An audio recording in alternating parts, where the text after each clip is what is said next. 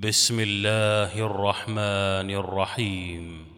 سورة أنزلناها وفرضناها وأنزلنا فيها آيات بينات لعلكم تذكرون. الزانية والزاني فاجلدوا كل واحد منهما مئة جلدة ولا تأخذكم بهما رأفة.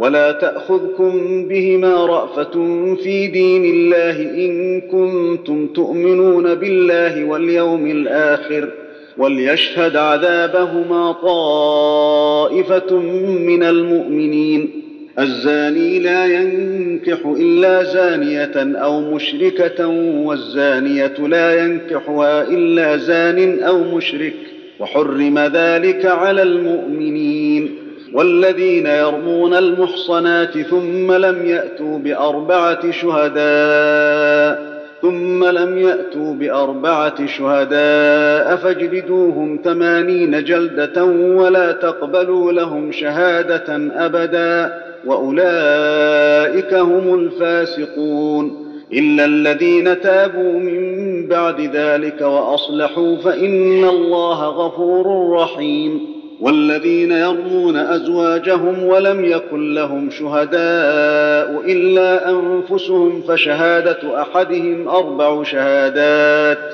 فشهادة أحدهم أربع شهادات بالله إنه لمن الصادقين. والخامسة أن لعنة الله عليه إن كان من الكاذبين. ويدرأ عنها العذاب أن تشهد أربع شهادات بالله إنه لمن الكاذبين والخامسة أن غضب الله عليها إن كان من الصادقين. ولولا فضل الله عليكم ورحمته وأن الله تواب حكيم. إن الذين جاءوا بالإفك عصبة منكم لا تحسبوه شرا لكم بل هو خير لكم.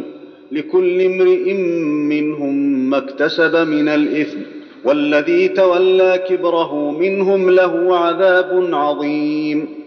لولا إذ سمعتموه ظن المؤمنون والمؤمنات بأنفسهم خيرا وقالوا هذا إفك مبين. لولا جاءوا عليه بأربعة شهداء فإذ لم يأتوا بالشهداء فأولئك عند الله هم الكاذبون. ولولا فضل الله عليكم ورحمته في الدنيا والآخرة لمسكم لمسكم فيما أفضتم فيه عذاب عظيم. إذ تلقونه بألسنتكم وتقولون بأفواهكم ما ليس لكم به علم وتحسبونه هينا وهو عند الله عظيم.